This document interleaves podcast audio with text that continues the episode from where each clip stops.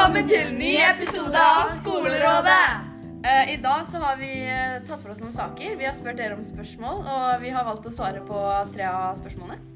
Den første starter som her. Hei, jeg er en gutt på 16 og har opplevd at en av eksene mine har vært veldig manipulerende, og jeg vet ikke hva jeg skal gjøre. Det hele startet med at en dag hvor vi bare slappet av i sengen, og hun begynte plutselig å ta på meg uten at jeg ville det. Jeg klarte heller ikke å stoppe henne, for hvis jeg prøvde, så dyttet hun meg eller slo meg. Dette skjedde gjentatte ganger under hele forholdet, men jeg turte aldri å si fra til noen, i redsel for å bli kalt mindre maskulin av gutta mine. Jeg kunne heller ikke si fra til foreldrene mine, for de elsket hun, og hver dag de møtte henne, ble hun en helt annen person.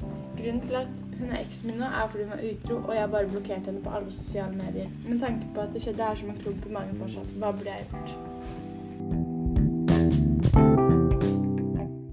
Dette er et problem som veldig mange kjenner seg igjen i, og vi har fått mange som har sagt at de sliter med det problemet her. Eh, Ja, eh, det er vel sikkert mange måter å løse det her på, men eh, du kan jo f.eks. snakke med noen eh, om det her, fordi det er jo en ting som egentlig ikke burde skje i et forhold.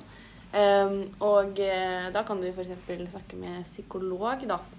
Og hvis gutta dine ikke er der for deg, og ikke støtter deg med at du ikke tør å si fra, eller at du tør å si fra, da er det ikke ekte. Og, da, og, det skal, og det skal ikke være flaut for deg å si fra til noen av dine venner at du f.eks. ja, drar til psykolog. Ja, jeg syns det er dårlig, i hvert fall en dårlig venn, for det skal ikke være flaut å dra til psykolog og fortelle om problemene dine, liksom. Nei. Men det er ofte i denne alderen her at man syns selv at det er flaut. Eh, selv om ikke venner syns det er noe negativt ved det, så kan du selv tenke at da er du liksom et problembarn, liksom. Men eh, det må du da tenke at du ikke er, fordi det er ikke sant. Men det er lett å tenke det. I, Ja, det er veldig sant. Men det viktigste er vel bare å si fra til noen at du har det sånn, og ikke la den klumpen bli enda større. Ja, og kutte ut kontakten, sånn som hun eh, han sa at eh, han hadde gjort, da.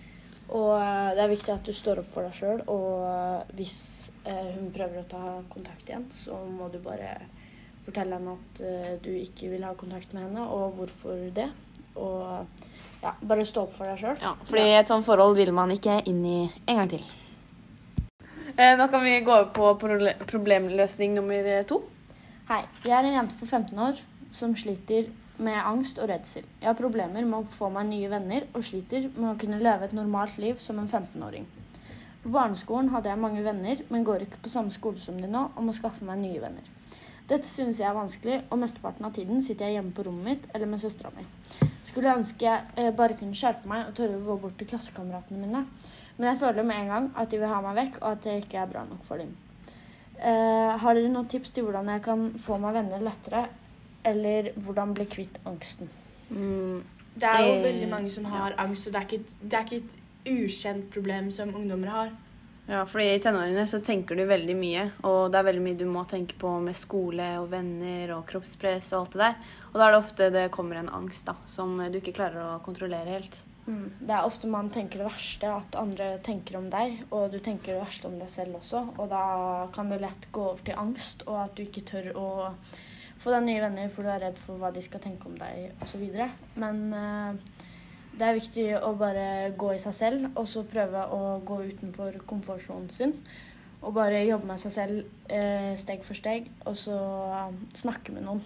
Det er alltid noen som du kan snakke med. Alltid. Det er mange mobiler du kan ringe, du kan snakke med venner, du kan snakke med folk, du, fra, folk venner du hadde fra før av. Og det er alltid, alltid noen. Ja, Vennene dine du hadde på barneskolen, de kan jo være en eh, god kilde for deg nå, som kan hjelpe deg videre, siden de kjenner deg ganske godt, da, mest sannsynlig. Så du kan prøve å gå og ta kontakten tilbake med dem, da. Eh, og hvis du kommer borti noen folk som ikke godtar deg for den du er, så er det, da er det ikke vits å bli venner med de, fordi det kan gjøre problemet ditt enda verre. Så det er viktig at du finner deg noen venner som faktisk uh, Er der for deg. er der for deg. Ja, Da er problemet dem sitt, og ikke ditt. At eh, de ikke liker deg for den du er. Ja. Uh, now I'm going to read uh, the problem number three. Hi, I'm a girl at age 14. The problem I have is that I'm in love with a boy, but I think he doesn't like me back. And I have a problem with accepting it. I cannot see him together with others. If I see him together with others, I feel sad and feeling lost. I don't want anyone else, and I want to be I want it to be us together. He's the only person I want. I have tried to tell it, but he doesn't understand. He did not feel the same for me and used his time on other girls. I do not know what to do to get over him uh, and not to be jealous, so I hope you can help me with this. Uh, the first thing you can do is to try to talk to other boys and get him off your mind and just just don't think about him as much. Uh, do something that you that don't remind you of him, and um, uh, you should uh, just go out and be with your uh, friends, and don't lay in bed and cry over him. But, Yes, uh, because he's not worth your uh, tears. So uh, if you're really in love, just try to get over him and uh, talk to other boys maybe, and maybe you can get in love with uh, one of them, and they want you back. Yes. Yes, and yeah, it's uh, many teenagers that feel this uh, problem, but uh, everyone can get over it, and you can also. it's hard when you're in it, but uh, afterwards you feel much better. Yes.